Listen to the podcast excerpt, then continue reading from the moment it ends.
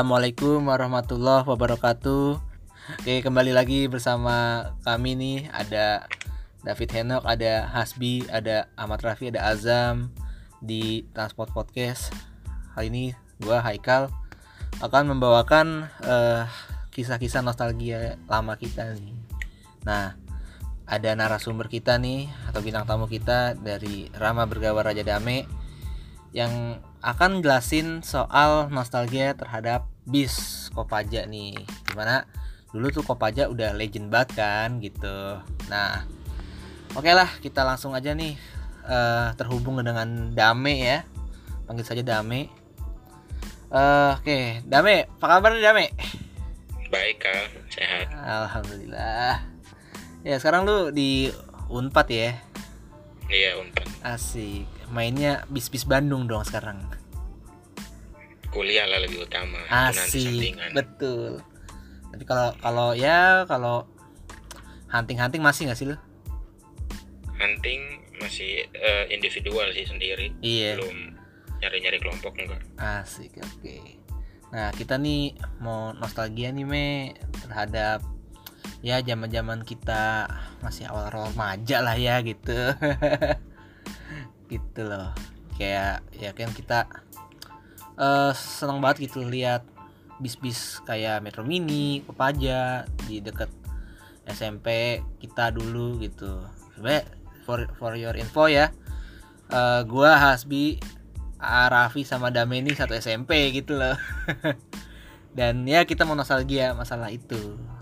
So, oke kita akan sajikin berbagai pertanyaan nih, Me. Oke, mungkin yang pertama dari gue ya buat Dame ya apa sih lebih pengalaman ya Dame pertama kali naik Kopaja naik Metro Mini bus kota gitu lah pengalamannya kayak gimana gitu Oke oke.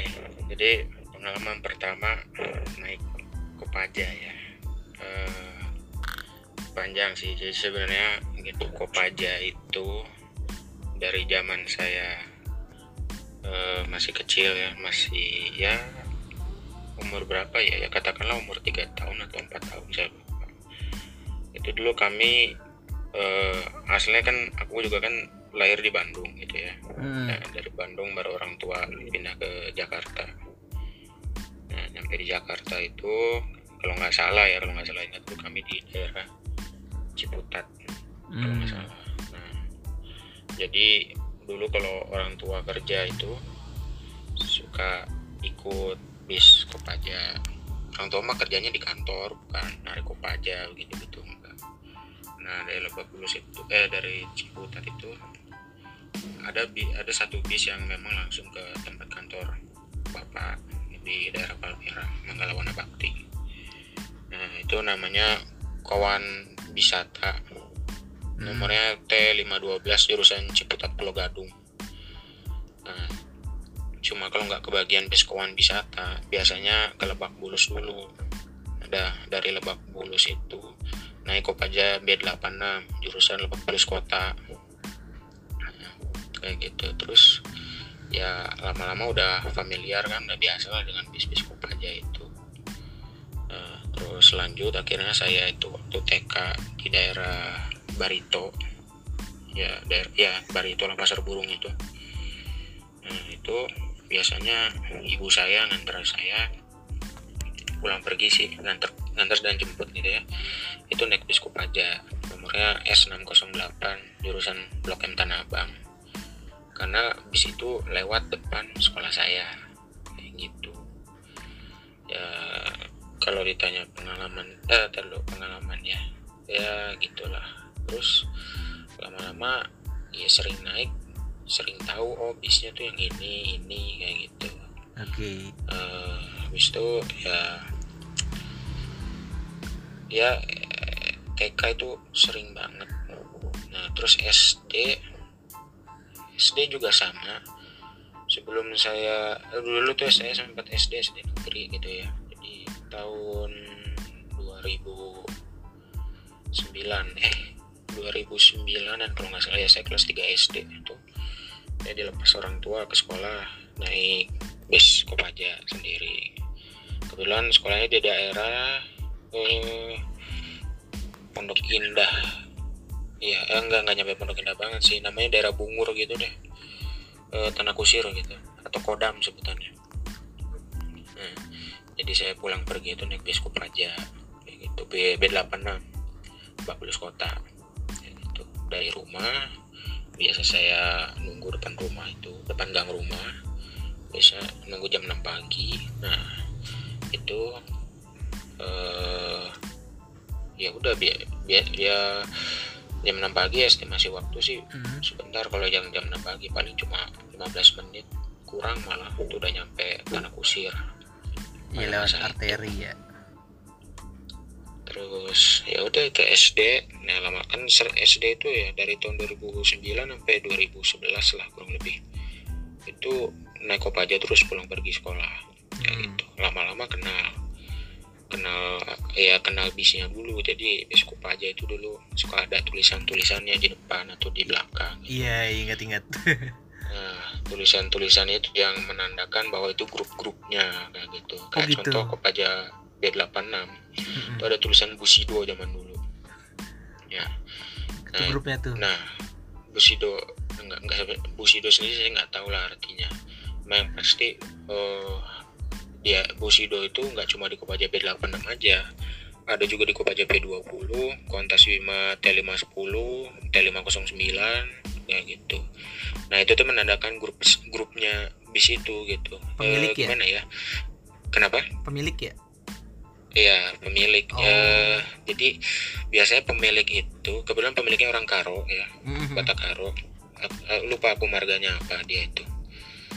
Eh, ah lupa lah marganya apa. Nah itu garasinya itu di daerah Sawangan. Eh, Jauh. Iya memang jauh terus terang aja. Ya dari Lebak Bulus ke Sawangan lumayan lah. Heeh. Belum macetnya. Ya kalau dulu mah belum terlalu macet sekarang udah Wah, parah. kira macetnya. Jadi itu itu ciri-cirinya salah satunya. Jadi ngapalin itu dari situ. Oh ini mobil Busido sebutannya kayak gitu. Mm-mm. Ada lagi tulisannya Makarona, Lolingga. Itu juga orang Karo juga punya bandarnya gitu. Dia juga nggak nggak di Kopaja B86 aja sih. Ada juga di Kopaja P20, T509, T509 sama T510. Berarti lebak bulusan semua ya? Iya sih, mayoritas memang trek Lebak Bulus itu. Hmm gitu gitu. Oke. Ya itu, itu ngapalinnya dari situ. Hmm. Oh ini mobil mobil Lolingga atau mobil Makarona sebutannya. Mm-mm. Lolingga itu kan lau itu artinya air ya. Kalau bahasa Karo kalau nggak salah ingat. Lingga itu nama daerahnya. Jadi ada Lau Lingga, Lau ah, lupa lagi ada lah pokoknya lau apa gitu nah, itu ketahuan oh, ini orang Karo berarti biasanya itu sebutannya kampungnya orang sih kampungnya di daerah Lau Lingga kayak gitu karena memang udah kebiasaan ya orang Batak itu ke ngerantau ke Jakarta nggak usah di Jakarta di Bandung aja. Saya ini kan sekarang kan saya di daerah Jawa Barat ya. Iya. masih masih banyak itu kebiasaan-kebiasaan orang Batak itu terutama bandar-bandar angkutan ya. Yang bang memang suatu kebanggaan gitu nama kampungnya tuh ditaruh di kaca kendaraan kayak gitu. Mhm. ya kayak gitu. Nah itu dari situ tuh ciri-cirinya ketahuan terus ya itu Lolingga terus ada lagi Nangindu. Itu juga orang Karo juga. Memang kebetulan bos-bosnya ini banyak sih yang orang Karo nah Nangindu itu kok aku nggak begitu ingat ya apakah itu marga orang Karo atau gimana gitu. Tapi itu bau-bau Karo lah pokoknya kayak gitu. Terus kalau ranco gimana tuh? kenapa? Yang suka lu lihat tuh ranco ranco tuh ranco nama daerah atau apaan gitu? Atau alias? Oh, nah itu juga. Nah itu itu itu tar itu Kopaja 608 kan. Oh oke oke oke. ya Kopaja 86 kurang lebih begitulah ceritanya Nah kayak gitu ya 608. Kopaja 86 tiga grup besar itu Busido, Nangindu, Makrona, Lolingga Oke. nah, terus terus kan akhirnya sekolah ya SMP itu di daerah Blok M pun juga waktu SD kadang suka main juga ke daerah Blok M nah Heeh. di Blok M itu biasanya dari rumah itu yang sekali naik tuh Kopaja S608 nah ada grup paling grup paling besar situ itu Bandar Angkutan Umum Jakarta. Tulisannya Barwara. Hmm. Nah, Bar- Barwara itu yang punya tuh kalau nggak salah namanya sebutannya tuh gini Barwara Paronan Siagian. Eh terlalu eh, orang Batak juga sih Batak Toba. Eh, Siagian. Ya Siagian seingatku Barwara itu.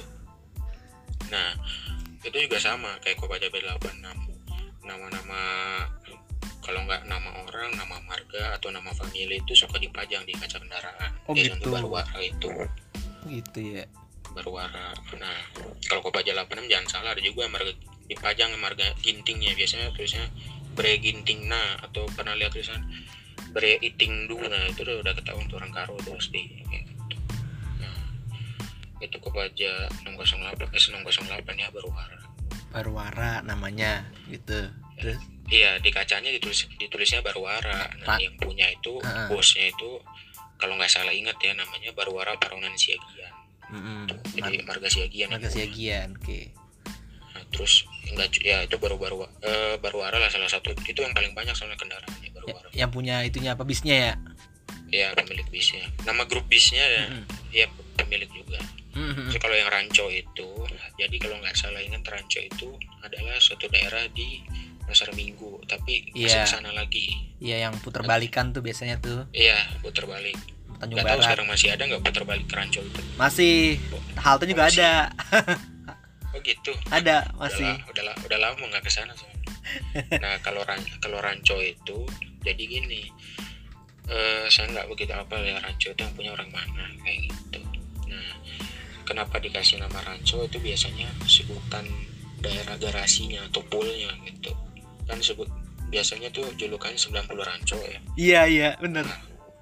Nah jadi plat nomor bisnya itu kan B Ntar dulu, saya, saya lupa lupa ingat. Kalau nggak salah ingat ya. B 7690 GD itu itu Nah, itu plat nomor? Iya, waduh plat apal juga. nomor polisinya. oh gitu ya. Nah, 90 itu diambil dari dua digit terakhir yang angka. Kayak gitu. Terus habis itu ditambahin nama nama daerah garasinya. Jadilah 90 ranco kayak gitu asal usulnya. hmm gitu awalnya Gas semua trayek kayak gitu. Ya kalau kalau contoh kayak yang Makarona, Lolingga atau Bushido itu tetap pakai dua digit angka terakhir di plat nomor Mm-mm. terus ditambahin entah nama daerah atau nama julukan grup grup pemilik bus oh kayak gitu contoh nih misalnya ya eh Bushido nih saya yang saya ingat B7117 DA kalau nggak salah ingat ya. Nah, itu tuh sebutannya kan 7117 nah 17 yang diambil. Oh ini berarti 17 grupnya siapa? Bro Bushido. Oh ini 17 Oh. Bushido. Oh gitu. Iya emang kayak gitu sih. Itu nama biasanya ngapalinnya nomor seri kayak gitu. Atau contoh yang paling saya ingat nih B7677NL Mm-mm. yaitu mobil Lolingga Macarona. Oh biasanya gitu. disebutnya ah oh itu biasanya gini kan kadang-kadang kan supir nih lihat. Mhm. eh suka nanya siapa depan kita? Oh Hahaha. itu si Anu misalnya nama supirnya si siapa lah. Ada kan kawan itu ya marga sendiri marga macam-macam kayak gitu. Mo- mobil apa dia bawa? Kayak gitu. Iya. Oh ini mobil itu, itu depan depan itu mobil ini 77 kayak itu 77 mana? Nah kalau 77 mana mana setelah kata man, ber- apa kalau ditanya ke mana itu berarti lebih spesifik lagi ya. Punya siapa gitu ya? Atau iya grupnya ah, siapa atau julukan khasnya apa. Oh, ini gitu. 77 Lolingga depan oh gitu oke. Contoh kayak gitu. Oke lanjut dan nih. di situlah mulai tahu ya pengalamannya bermula dari situ. Mm-mm. oke lanjut nih. Monggo bi. Nah gini me kan apa nih eh, kalau nggak salah tuh kan sistem pembagian upah buat kopaja gitu kan sistemnya setoran bener gak me? iya sistem setoran benar Nah terus kalau udah ngelebihin setorannya gitu sisanya itu bakal di- gimana me? Atau gimana itu pembagian upahnya itu? Nah, jadi gini, tiap armada atau tiap pemilik kendaraan itu punya masing-masing kebijakan. Ada yang memang setorannya harian. Jadi dalam satu hari si sebutannya gini supir batangan. Supir batangan itu supir yang bertanggung jawab terhadap kendaraan tersebut. iya supir aslinya lah gitu Iya, atau inilah tangan kanannya si bos kayak gitu. oh gitu oke oke Iya. Atau tangan kanan montir biasanya sih kayak gitu. Ah, oke oke Nah, jadi ada dua biasanya kalau antara setoran harian dengan setoran mingguan nah cuma memang kalau yang setoran mingguan pada masa-masa kejayaan angkutan umum Jakarta itu ya suka su- jelek lah ya Mm-mm. jujur aja ini sisi, sisi kelamnya kendaraan hmm, di Jakarta gitu Mm-mm. kadang-kadang mentang-mentang uang setoran mingguan ah udahlah pakai main judi dulu kayak Oh gitu. iya iya iya. biasa itu kayak gitu ya parah memang ya main judi biasa main judi sih kayak gitu, Gitu ya main gaple main apa kayak gitu.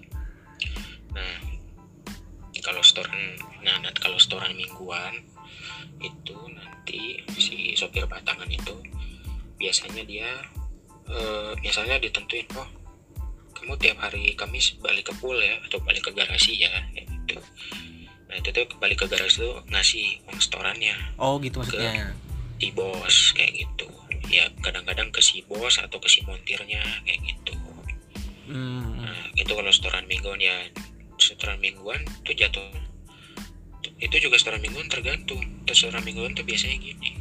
Pokoknya dalam seminggu harus dapat sekian. Nah dari sekian itu kan dibagi kan. Dibagi Iya. tujuh hari lah. Nggak Iya. kayak gitu pukul rata. Nah berarti dalam sehari si sopir itu harus memenuhi target setoran. Itu kayak gitu. Hmm, oke. untuk lo kalau mingguan ya. Kalau setoran harian nah itu setoran harian. Oh gintar lo. Kalau yang setoran mingguan itu biasanya busnya jarang pulang ke garasi pulangnya itu ya seminggu sekali atau misalnya memang pulangnya karena ada kebutuhan ya oh, apa olinya habis kampasan habis kayak gitu. Itulah apa check up lah ya ibarat Ya, kata check sekarang. Nah, check up.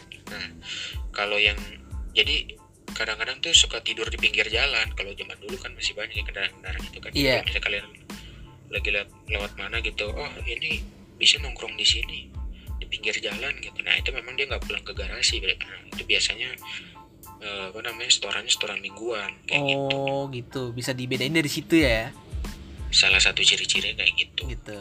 Nah, kalau yang setoran harian, nah yang setoran harian itu biasanya dia, nah kalau setoran harian tuh dia jarang jarang ngalong gitu ya ngalong tuh artinya eh, dia tuh eh, jamnya tuh udah spesifik gitu. Jadi ya setoran harian mah pokoknya kamu sehari ditentuin setoran dipatok setoran sekian sama si bos sama si Mhm. bandar kayak gitu. Nah nanti eh, udah selesai udah selesai jam nariknya pulang ke garasi kayak gitu. Mm-mm. nah pulang ke garasi tuh ngasih uangnya ke si bos atau ke montir.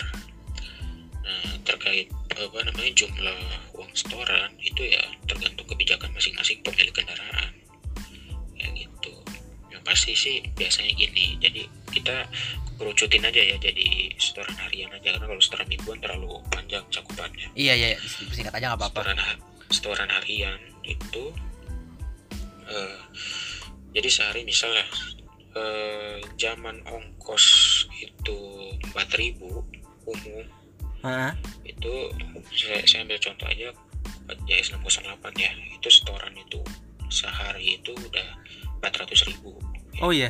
Lumayan juga ya. ya itu yang ya itu memang yang kemaruk itu bos-bos yang kemaruk itu 400 ribu waktu itu Hmm. masih ada yang di bawah itu tiga setengah tiga ribu Targetnya segitu ya. pasarannya sih antara 300 sampai 400 ribu gitu nah biasanya itu dibagi dua ada supir pagi ada supir siang Oh oke oke. nah supir pagi itu biasanya supir batangan nah Hmm. supir batangan itu biasanya eh, dia, dia tuh ngambil setoran pagi jadi misalnya katakanlah eh, katakanlah eh, tadi ya kita ngambil patokannya yang 400 ribu aja ya nah 400 ribu itu kan itu belum sama uang solar Oh iya ada duit bensin. ya ada uang BBM-nya juga kayak Mm-mm. gitu biasanya uang. BBM itu di udah biasa ditaksir lah ya sehari itu sekian ritase kan nah kalau sekian ritase itu berarti konsumsi BBM-nya atau solarnya ya anggaplah 300 300 sampai tiga setengah kita anggap aja tiga setengah ya Mm-mm.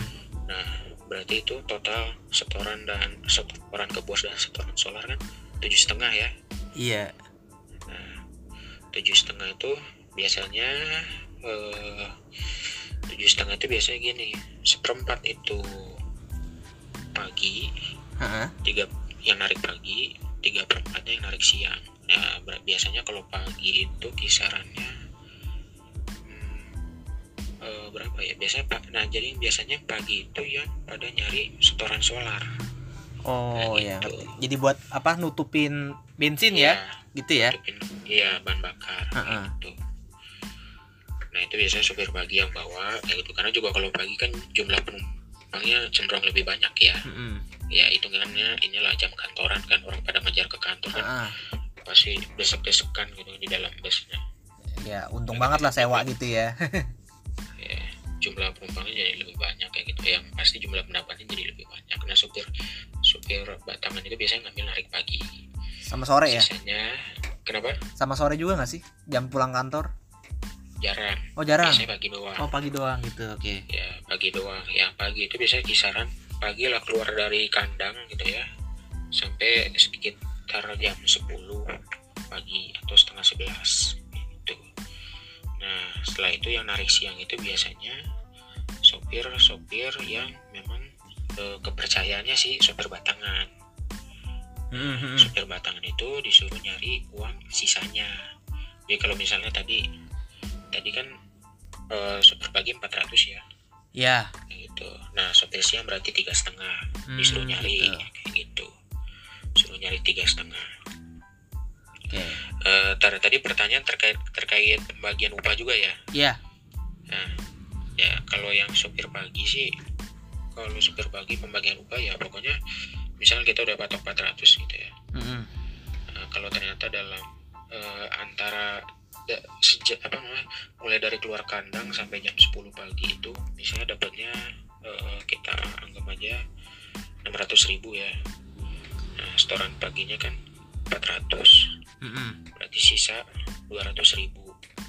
Nah 200 ribu itu biasanya eh, kan sisa ya 200 ribu itu tiga perempatnya buat 75 persen lah ya tiga perempatnya itu buat supirnya seperempatnya buat koneknya atau konektornya kayak gitu ya kalau 200 ribu terlalu sedikit sih sebenarnya 200 ribu jarang pagi itu cuma 200 ribu biasanya sampai tiga setengah Ada lebihannya ya banyak lumayan ya. Iya kalau karena kan jam penumpang kantor Mm-mm, kayak gitu sama betul. jam penumpang pasar. Iya iya. Nah, kalau misalnya dua ribu tiga perempatnya kan berarti sus 150 ya. Nah, Ah. 150 buat supir, 50 ribu buat Iya. Lah begitu. Nah terus kalau yang jam siang, yang narik siang gitu ya tergantung dia siang dapatnya berapa.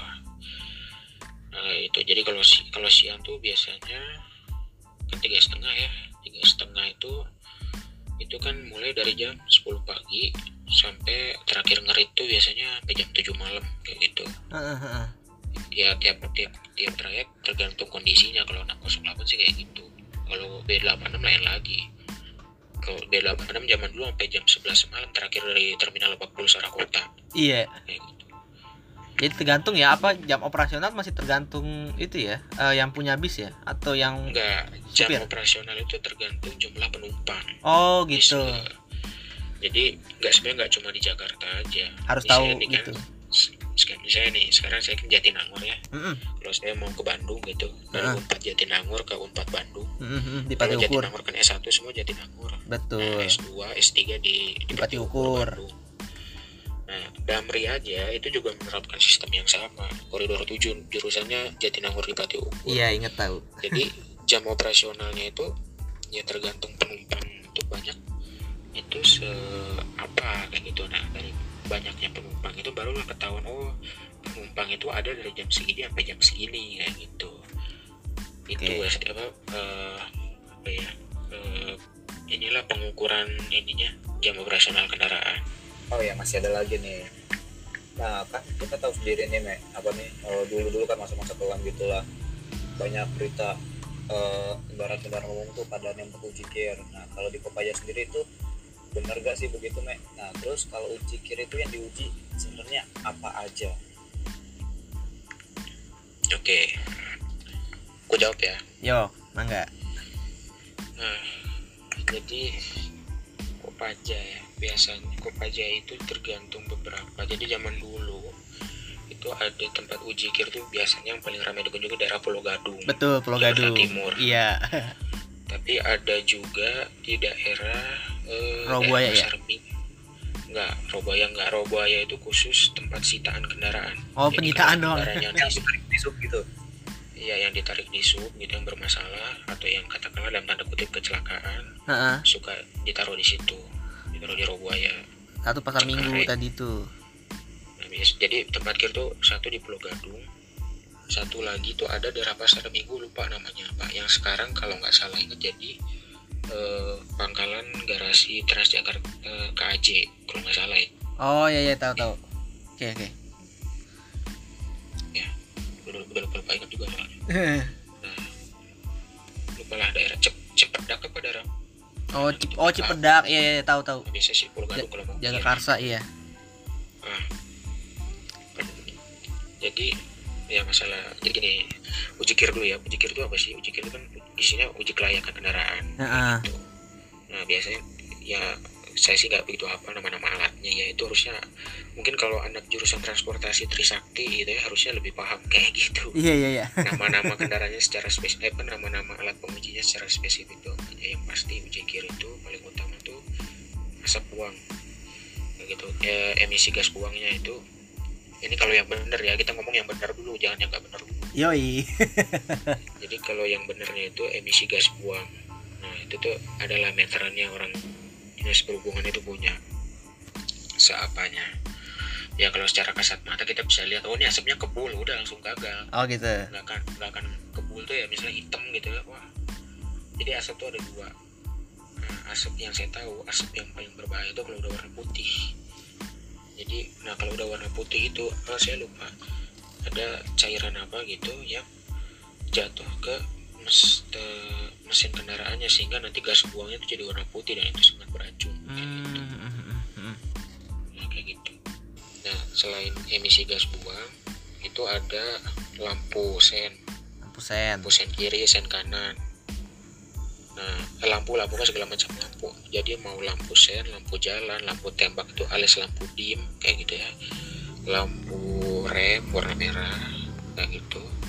Itu harus nyala kayak gitu. Nyala juga benar-benar nyala Hmm. dan nyala, nyala tuh harus kedip kayak gitu untuk lampu sen ya. Mm-mm. Nah, terus kayak lampu jalan juga sebenarnya ada ukurannya, tapi saya nggak begitu paham. Orang berhubungan yang paham. Itu lampu jalan tuh ada eh ukurannya sekian kayak gitu. Oh, lampu sorotnya ukurannya sekian gitu.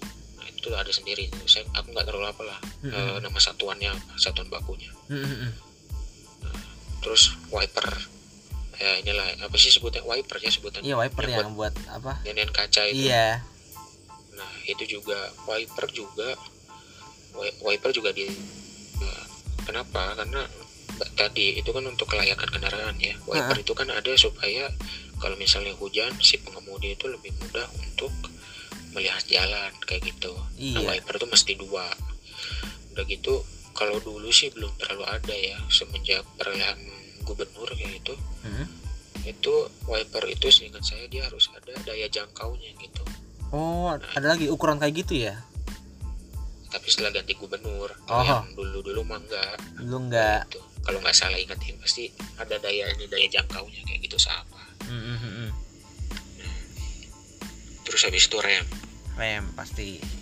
Ya rem. Nah, habis rem itu eh terlalu saya lupa Eh, habis rem itu ini kendaraan itu kan ada kaki-kaki ya. Saya nggak begitu apa sih nama sebutannya apa. Kaki-kaki itu per gitu atau ya sebutnya kaki-kaki sih. Nah itu tuh dites berapa lah ya satuan bakunya aku nggak begitu tahu kayak Mm-mm. gitu. Ya cuma ngeliatin aja dulu di tempat kir kayak gitu. Itu itu yang benarnya kayak gitu. Jadi secara garis besar uji kir itu untuk menguji kelayakan kendaraan. Oh terakhir nih yang penting ban. Nah ban juga penting. Nggak botak Terus. gitu ya? ya pastilah ban itu nggak boleh botak nggak boleh ban vulkanisir kan Iya. ketahuan. Oh gitu. Oke. Jadi misalnya kita kucing-kucingan gitu kan ban depan kan dua ya ban Mm-mm. belakang kan ban belakang tuh empat kiri Mm-mm. dua kanan dua kayak gitu. Misalnya ban kiri yang bagian dalamnya itu kadang-kadang kadang suka diakal-akalin pakai ban vulkanisir atau ban bodong lah gitu. Iya. Ya kalau yang ngeceknya bener itu pasti ketahuan kayak gitu. Itu ban juga. Nah, itu yang benernya kayak gitu.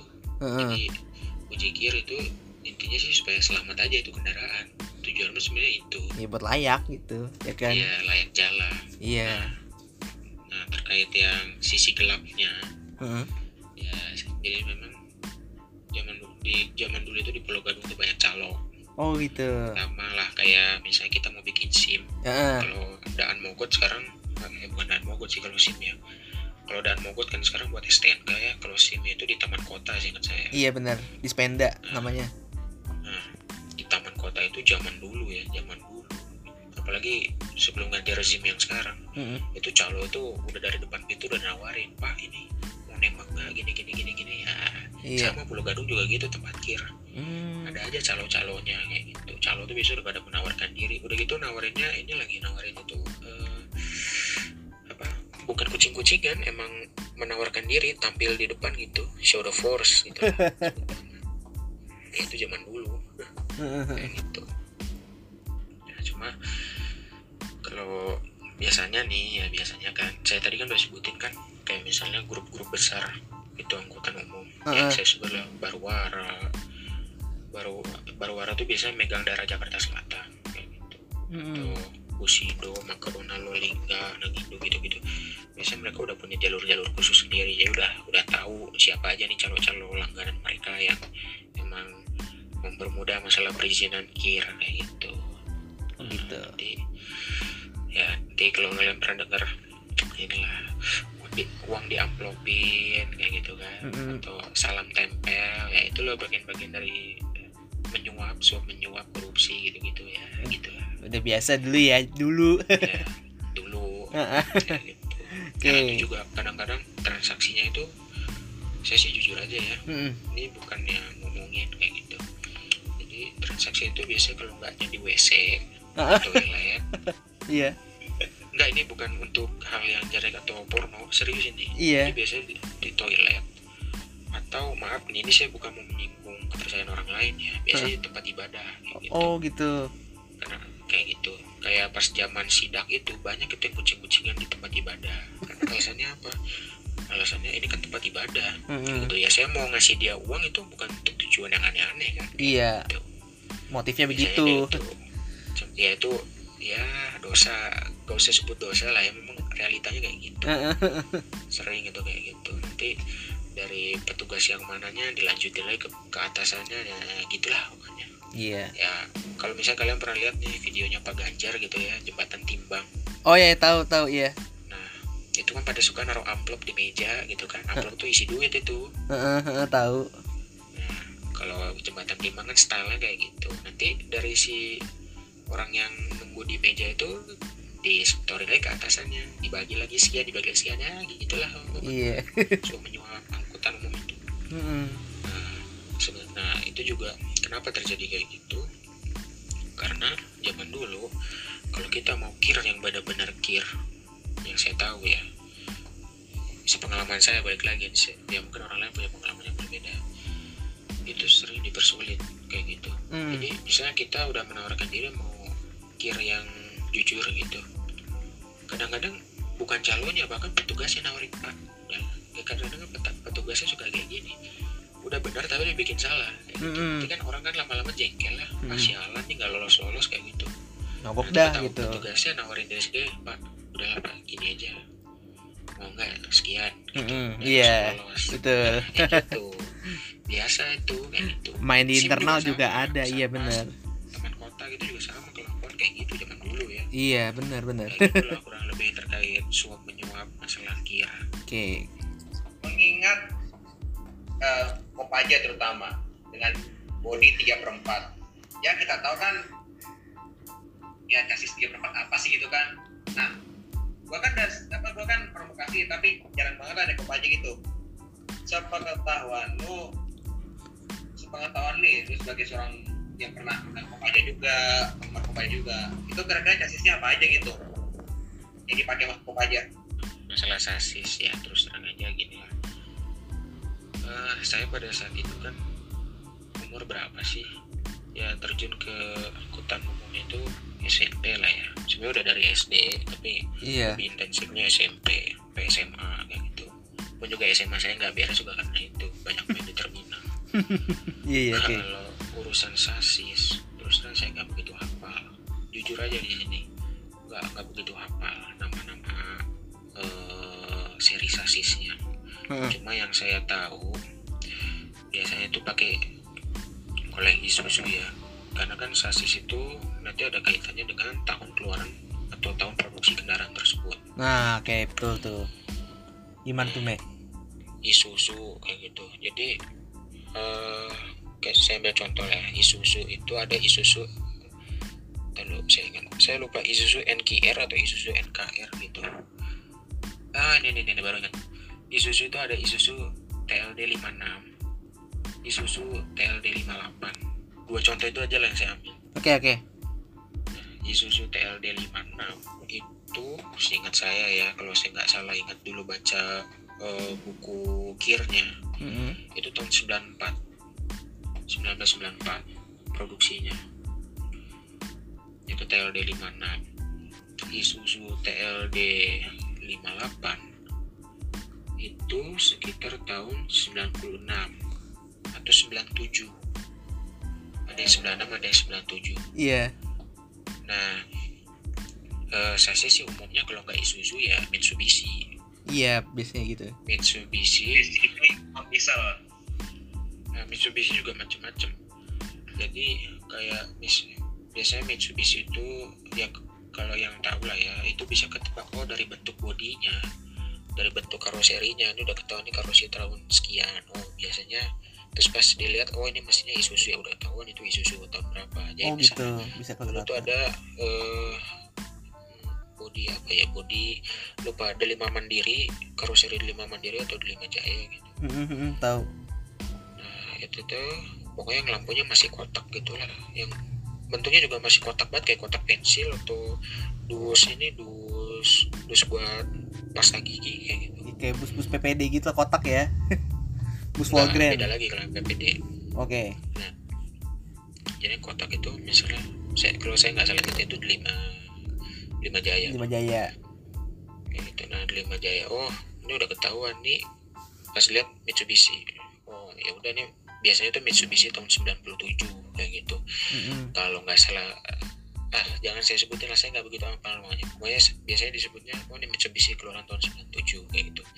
Eh, nama sebutan sasisnya nggak begitu apa Nah, Terus juga- ada lagi Mitsubishi yang dulu saya pakai kerja itu dari uang Heeh. jadi kondektur ya itu Mitsubishi FE 334 sebutannya Heeh. nah FE 334 itu tahun 2004 ada yang tahun 2004 ada yang tahun tahun 2005 kebetulan yang saya dulu pakai narik itu tahun 2005 FE Mitsubishi FE 334 tahun 2005 kayak gitu.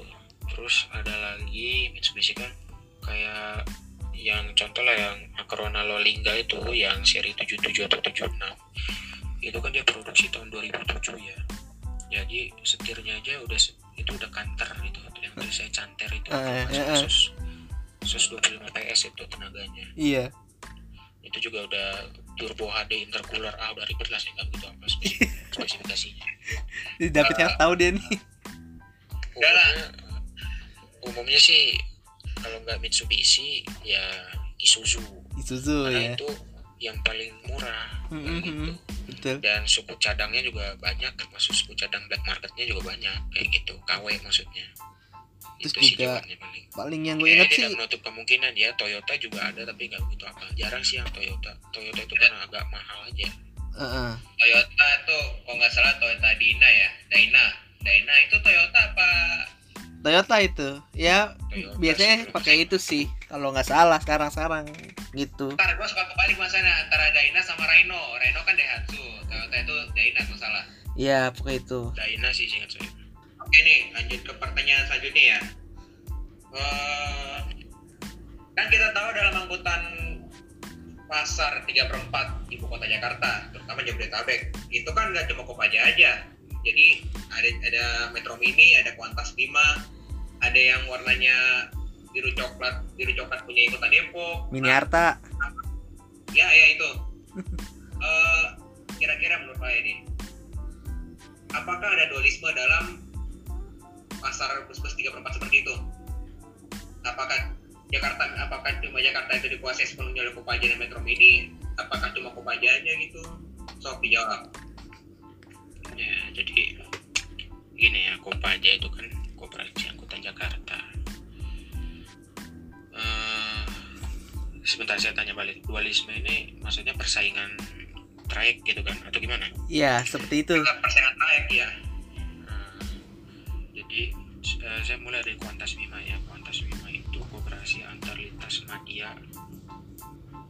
Eh, Ko antas kooperasi antar tasnya itu lintas, Lintas. Bimanya itu lupa lah, Mahnya itu media kalau nggak salah. Lupa, lupa ingat. Begitu. Eh, saya sih nggak tahu ya pembagiannya itu kayak gimana. Cuma umumnya nih, kalau kita kan Jabodetabek ngomongnya ya. Jadi eh, jangan jangan jangan Jabodetabek. Kita ngomongnya Tangsel dan Jakarta. Oh ya, kayak Tangsel Jakarta. Jadi sama Depok terakhir. Jadi kalau Kopaja itu, Kopaja itu umumnya eh, dia itu mayoritas di dalam Jakarta. Iya, yang dilintasinya kayak gitu. iya. Kalau ko Antas Bima itu trayeknya trayek Tangsel, Mm. ya Ciputat mayoritas. Iya. 510, Ya, 510, 509, 102, iya. Dulu juga ada juga yang Ciputat Blok M itu yang lewat Fatmawati, tapi lupa nomornya berapa. Mhm. Nah, ah, lupa lah kayak gitu. Nah, kalau Metro Min, jadi gini kalau Kopaja itu pertama dia memang lebih banyak di dalam lintasannya di dalam Jakarta. Mayoritas itu daerah Jakarta Selatan, mayoritas ya. Makanya eh, ya, iya sih Jakarta Selatan mayoritas. Banyak kan Jakarta Nah. Selatan dia. Dulu, ntar dulu. Ya. Kalau Metro Mini, met- macam-macam. Metro Mini itu mayoritas daerah Jakarta Timur. Oh, Timur. 506, 57, 50, eh, 47, 46. Lah, lupa lagi lah pokoknya. Atau berapa ya? Eh, ah, itu dulu ada yang Tanjung Priuk Semper. Gitu, Oh, itu apa 107 23. ya? Atau berapa gitu? Atau Oh, P 23. Oh, 23 iya. Nah, jadi Metro Mini itu banyak megang di daerah Senen, eh Jakarta Pusat, Mm, Senen. Jakarta Timur, Mm, Jakarta Barat. mm, Jakarta Selatannya sih nggak terlalu banyak. Ya paling Jakarta Selatannya paling ya 74. yang trek Tangsel, contoh 74 Rempoa, Iya. 9 Ciledug, 71 Bintaro, Heeh. gitu. 70 ya itulah. Nah, 70 Joglo, Iya. gitu. Terus ada juga kan eh, oh Kopaja, Kopaja itu punya satu singkat saya arah Depok, yaitu nomor 63 S63. Oh iya ya. 63 Blok M Depok kayak gitu. Ya, ada juga S606 Pasar Minggu Sangseng Sawah. Tapi itu matinya tahun berapa ya 2011 kalau nggak salah. Udah lupa saya. Mm, mm, mm. Nah, kalau Kopami, Kopami itu banyak main di daerah utara, Jakarta Utara. Itu ya Pluit ya. Ya, P12 Muara Karang. Zaman dulu belum terlalu terkenal nama Peluit sih kan saya dulu terkenal namanya Muara Karang. Oh, Muara Karang. Ya, bahkan PPD aja PPD berapa ya? Ada PPD itu jurusan Blok M Muara Karang lupa nomornya.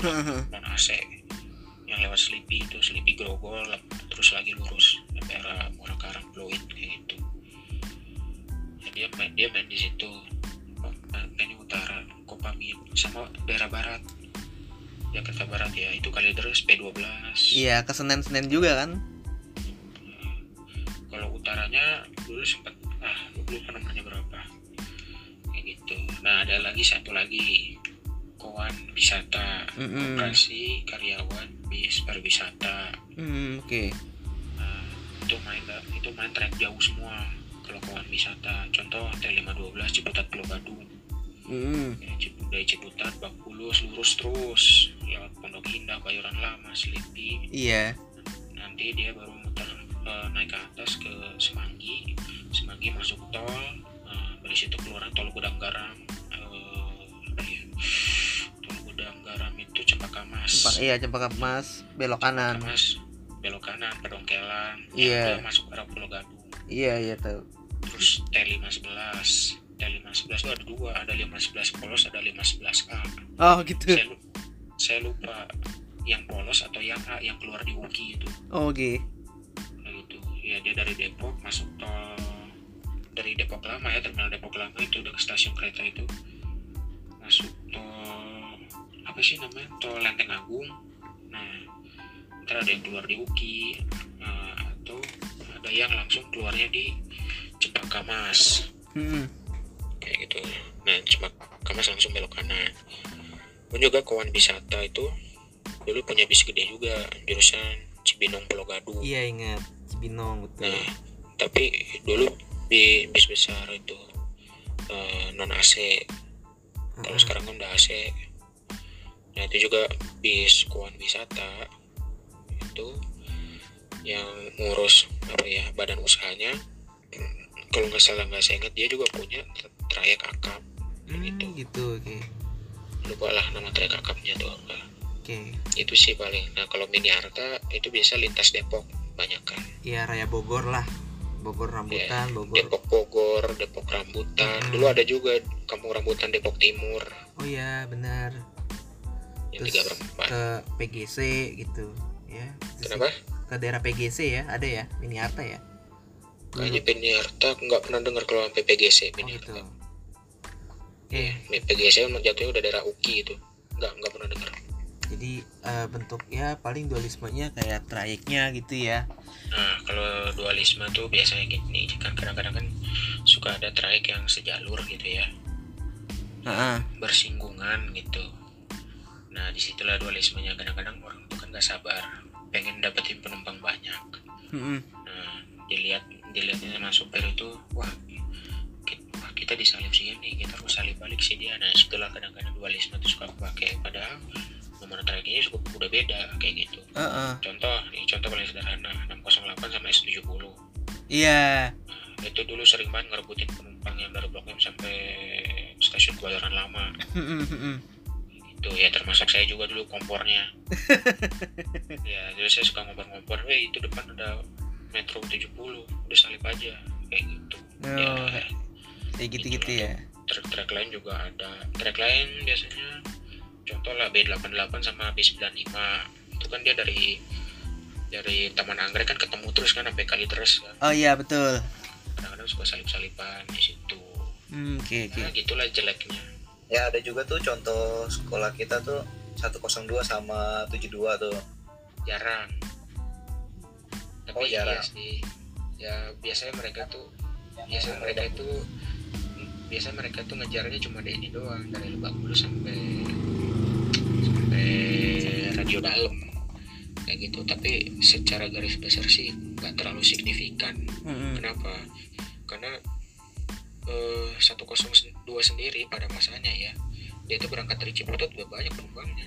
Iya, udah. masih sikut-sikutan sama 72 iya iya iya. Tujuh tujuh dua mesti ngetem lama dulu di di perempatan points Bulus. Satu kosong dua mah jalannya kayak keong juga untuk datang sendiri. Dan Ya, dia kan tujuan tujuan utamanya sebenarnya yang Sleepy Tanah Abang terus eh, apa Senen City gitu. Iya. Jarang lah terjadi tapi pernah terjadi. Itu sih. Kebanyakan sih yang satu trayek ya. Yang bersinggungan lah pokoknya gitu. Ber- bersinggungan tuh tergantung ini tergantung panjang lintasan. Iya. Kalau tadi kan 102 sama 72 nggak terlalu signifikan lah itu ininya, panjang lintasannya. Makanya 102 udahlah ngalah aja kasih 72 suruh jalan duluan di depan. iya Itu sih kalau urusan dualisme ya. Eh, selama lu megang Metro Mini, udah berapa tangan lu bawa? Maksudnya berapa tangan sini ya udah udah berapa Metro Mini lu bawa gitu? maksudnya gimana tuh udah berapa apaan tuh Udah berapa Metro Mini sini maksud gue nih? Misalnya nih, oke jurusan ini gue bawa satu, jurusan sana bawa satu, atau enggak? Tidak lari. Yang sama, gue di jurusan yang sama nih, yang sama, cuma tuh suka ganti ganti mobil gitu, itu aja. Ya, Le harus tahu gini Le. Saya kan nongkrong di terminal itu ya umur berapa pada saat itu? Itu umur eh, belasan tahun lah ya. Jadi kalau misalnya pertanyaannya udah berapa banyak metro mini saya gonta ganti? Pertama, saya juga harus sekolah. Kedua, saya juga harus pulang ke rumah segala jadi walaupun berandal gitu ya saya cuma bisa bilang satu aja kendaraan yang saya bawa dan bukan Metro Mini Kopaja yang saya bawa tuh Gitu. ya Satu. sorry tapi boleh soalnya 08 Pak Haji sama ya maaf nih yang agak nyelak ya ya saya kan orang gue orang Bekasi nih jadi lihat Kopaja udah Kopaja Metro Kopaja Metro udah sama aja gitu jadi agak ngelimet tadi mau bilang Kopaja jadi bilang Metro bilang Metro jadi bilang Kopaja ya maklum lah. Bekasi ada Tiger kan? Ah udah nggak ada Tiger lagi. Bekasi mana dulu kok si kau kasih kabupaten mah ada. Ini Bekasi kota kebanyakan sih ya angkot sih si, si liatnya mikrolet ya segala macam ya itu aja Bekasi Tiger itu yang ini Cikarang Pulau Gadung itu yang lewat Bekasi Timur. Nggak tahu ya bisa yang orang Oh. ungu gitu. Nah, itu itu udah ranahnya kabupaten Metro aja oh, oke. Ini satu aja ya selama selama selama ya cuma satu. Gitu ya. Itu pun sambil belajar. Oke. Oke gini bang, saya mau nanya nih ya. Gue pengen ya, nanya silakan. soal masalah copet ya. Abang punya pengalaman copet nggak di Kopaja? Terus dari pihak Kopaja sendiri itu menangani copetnya tuh gimana? Nah itu aja sih bang. ya masalah cop masalah copet ya saya boleh bilang saya nggak pernah kecopetan di Kopaja kayak gitu Wih. ya ini bukannya sombong Iya. ya karena gini saya kenal sopirnya dan Mm-mm. sopirnya lindungin saya Hmm, gitu. kayak gitu dulu saya ingat banget dulu saya ya kan kadang-kadang suka pengamen yang naik ke dalam bus terus suka minta maksa gitu kan. Mm-mm. sopirnya langsung bilang jangan jangan. Gitu. Hmm, nah itu gitu. biasanya pengamen udah tahu bahwa orang ini ya aku lah kayak gitu. Entah itu temannya dia saudaranya dia atau kerabatnya dia kayak Hmm. gitu. Ya kalau boleh aku bilang aku nggak pernah kecopetan di Metro Mini atau apa aja gitu ya. Karena salah satu faktornya adalah aku dekat dengan sopir-sopir itu atau kenekbusnya kayak gitu. Terus kalau misalnya kecopetan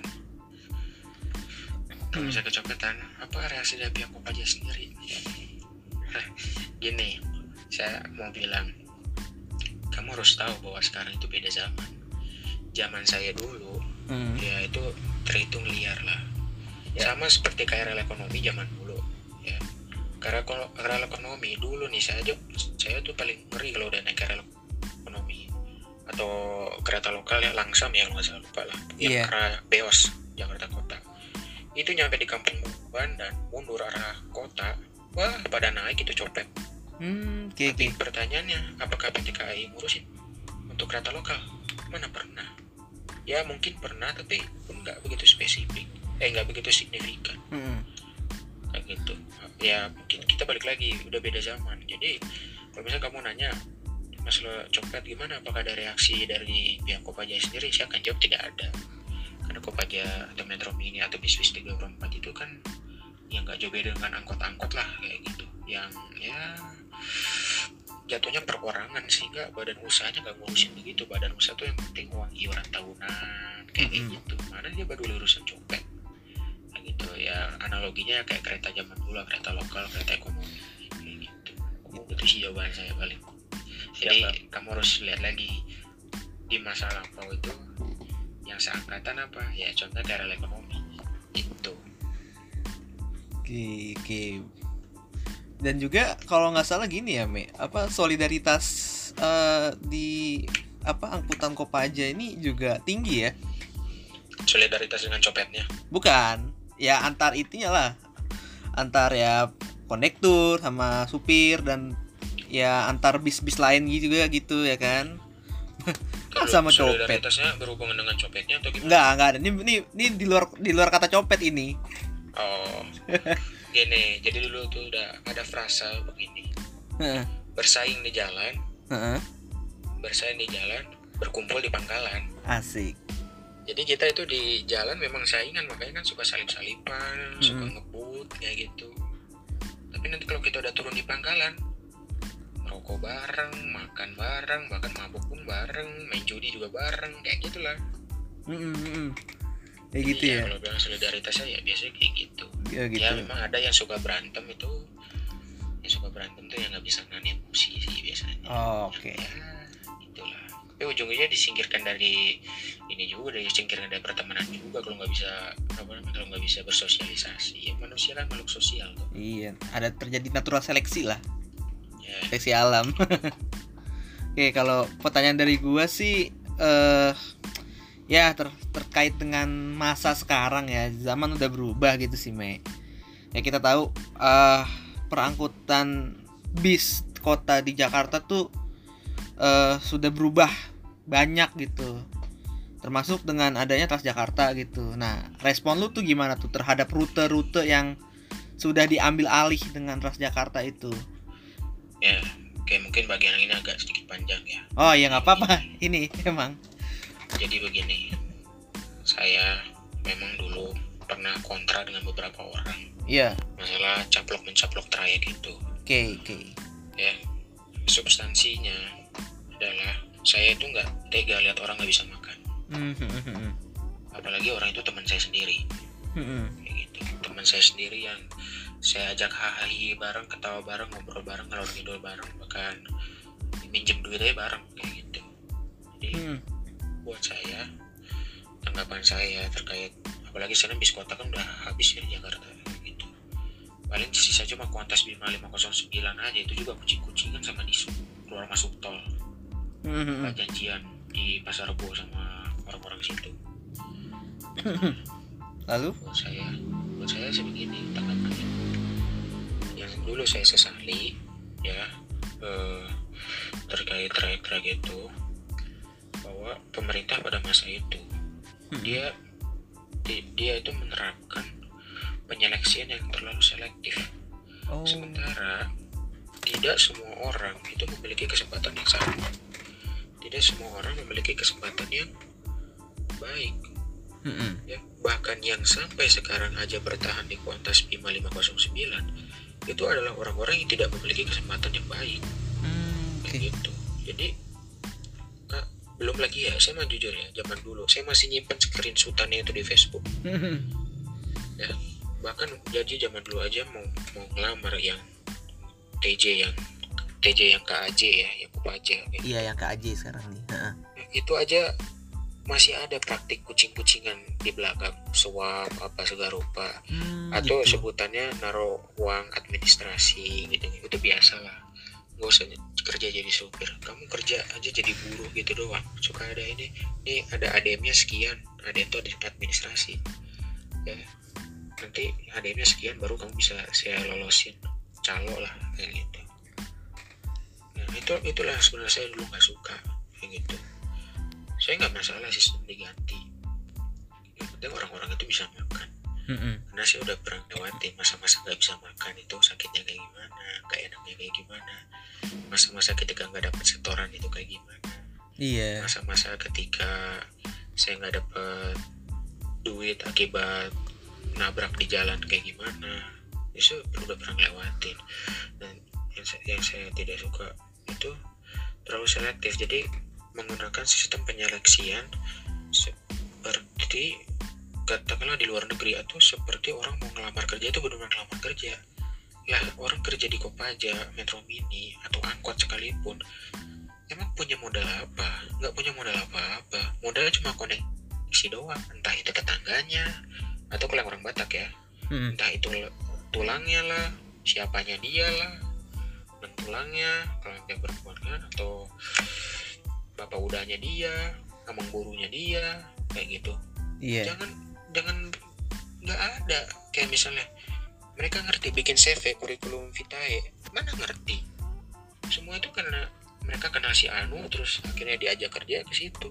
Hmm, hmm. jadi sistemnya kayak gitu sehingga kalau misalnya diterapkan sistem seleksi ya kayak untuk yang apa namanya kayak masuk trans itu wah kewalahan yang ada dan nggak semua juga pada punya SIP kan Iya. itu kan penyakitnya jadi dulu saya itu ingin ya ya inginnya saya Heeh. ya Pemda itu kan gini namanya trayek itu bahkan angkot sekalipun itu ada namanya timer Eh timer Tuh. timer ya. atau Maesari Bakti itu ada checker checker ini kalau pernah dengar checker daerah Semanggi Maesari Mm-mm. Bakti itu kan sering Iya. Komdak Nah, itu komdak.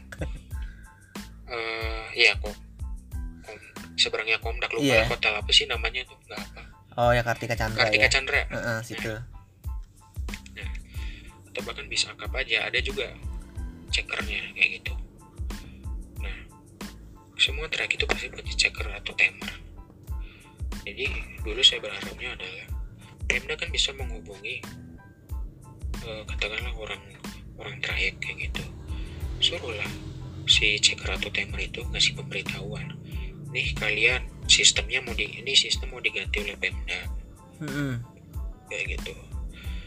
Nah, kalian ayo ngelamar ke sini. Kalian kalian serahkan KTP kalian apa segala rupa. Nanti saya submit ke Pemda Mm-mm. via si timer atau si checker dari track tersebut. Blok M itu banyak itu timer checker itu Hmm, betul. Kan timer checker aja kadang-kadang nyambi jadi tukang gorengan tukang jualan aqua kayak Heeh. gitu. Nulis-nulis tukang di jualan minuman. nulis-nulis di kardus gitu kan. Kenapa? Iya nulis, nulis di kardus. Ya itu kalau nulis nulis di kardus itu biasanya gini, itu Ah. nyatet. iya. Si oh ini misalnya eh, jam sekian si Anu yang masuk seri sekian. Heeh. oh, ternyata jam sekian seri sekian yang masuk. Nanti misalnya ada yang masuk kan yang supir yang masuk itu nanya depan depannya siapa? Oh depannya seri sekian terus ditanya udah berapa lampu? Berapa lampu tuh? Lampu merah. Jadi lampu merah itu sebagai patokan gitu untuk Mm-mm. menghitung mengukur kira-kira dia posisi dia sekarang saat ini ada di mana kayak gitu. Oh itu iya. ada ada timer ada checker. Nah kan nggak apalagi kalau masuk trans ya jangan kan ijazah SMP banyak yang nggak punya ijazah banyak yang nggak lulus SD juga. Mm-mm. kayak gitu. Saya udah ya aku kan hidup di situ aku tahu lah orang-orang itu kayak gimana makanya Betul. saya bilang wah ini sistem penyeleksiannya udah kayak orang mau ngelamar kerja aja. Heeh. sistem kayak ini bisa diterapkan kalau misalnya perusahaan atau pabrik mana mau nyari pegawai lulusan SMK nah itu bisa.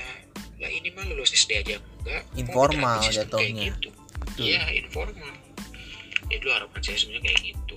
Ada timer ada checker kan. Pemda Mm-mm. bisa tolong nyuruh ke situ suruhlah Pemda eh suruhlah timer atau checker itu ngedata orang-orangnya. Yuk ini sistem udah mau dirubah udah mau diganti. Kalian eh, daripada kalian mati di telan zaman dah ayo kalian ikut lamar ke sini. Mm-mm. serahkan KTP kalian data diri kalian dan nanti didata ke Pemda kayak gitu dapat kerjaan. Ya katakanlah yang lulus SD itu ya. Katakanlah cuma jadi tukang cuci bisa aja. Cukup kok itu.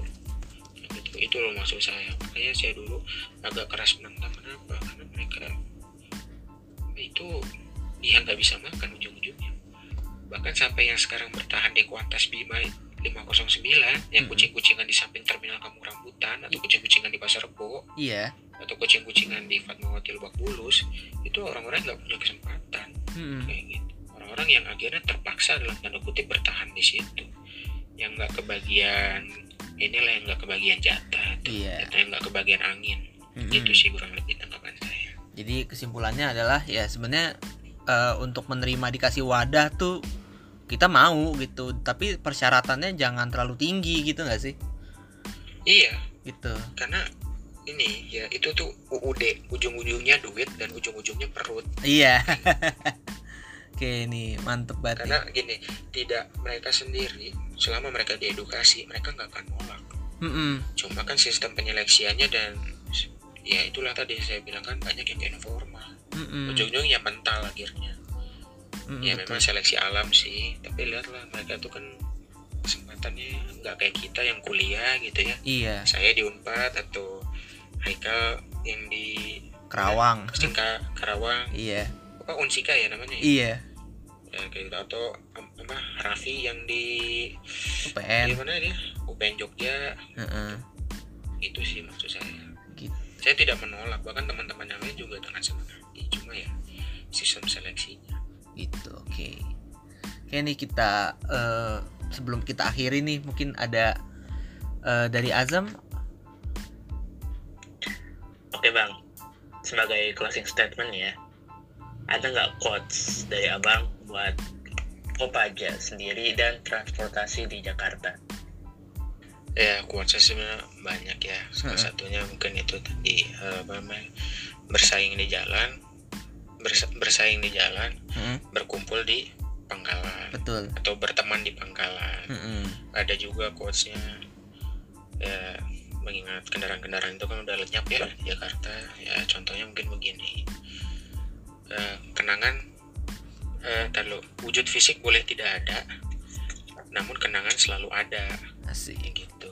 Karena saya jujur ya banyak sekali teman-teman saya bahkan kadang-kadang ngepost di Facebooknya wah kita kami kangen zaman-zaman ini kita narik dulu kayak gitu. Mm-mm. sering itu ya memang ya susahnya orang hidup di track kayak gitu selalu keingetan masa lalu oke. Pun juga atau misalnya puasanya lebih bagus lagi eh, yang apa ya agak-agak pasaran sih mungkin. Eh, apa-apa, nggak apa-apa. gini zaman sudah ber- zaman sudah berganti nih zaman sudah berganti itu zaman zaman kejayaan angkutan umum itu kan iya Nah, sementara kalau kita selalu nengok ke belakang, kita hanya kita hanya akan sedih aja terus mengingat bahwa dulu masa-masa kejayaannya. Mm. Contohlah saya di terminal Blok M lah, Bak Bulus kayak gitu. iya Ya, cuma kan kita kan hidup kan selalu ke depan. Ya artinya, makanya saya bilang masa depan udah nanti. Mm-mm. Ya kita harus pikirkan ke depan itu mau gimana. Ya terutama ya tadi balik lagi ke sistem penyeleksian itu ya yang sisa-sisa itu kalau bisa dipungut lah kasihan iya itu Mas- sih paling masih ada harapan dah dari mereka semua gitu ya kan Iya. Oke, kita akhirilah eh, episode kita hari ini. Makasih banyak nih Dame eh, atas Iya, iya. ilmu-ilmunya nih bermanfaat banget, gila satu jam eh, ditemani oleh Dame. Oke, kita akhiri. Assalamualaikum warahmatullahi wabarakatuh.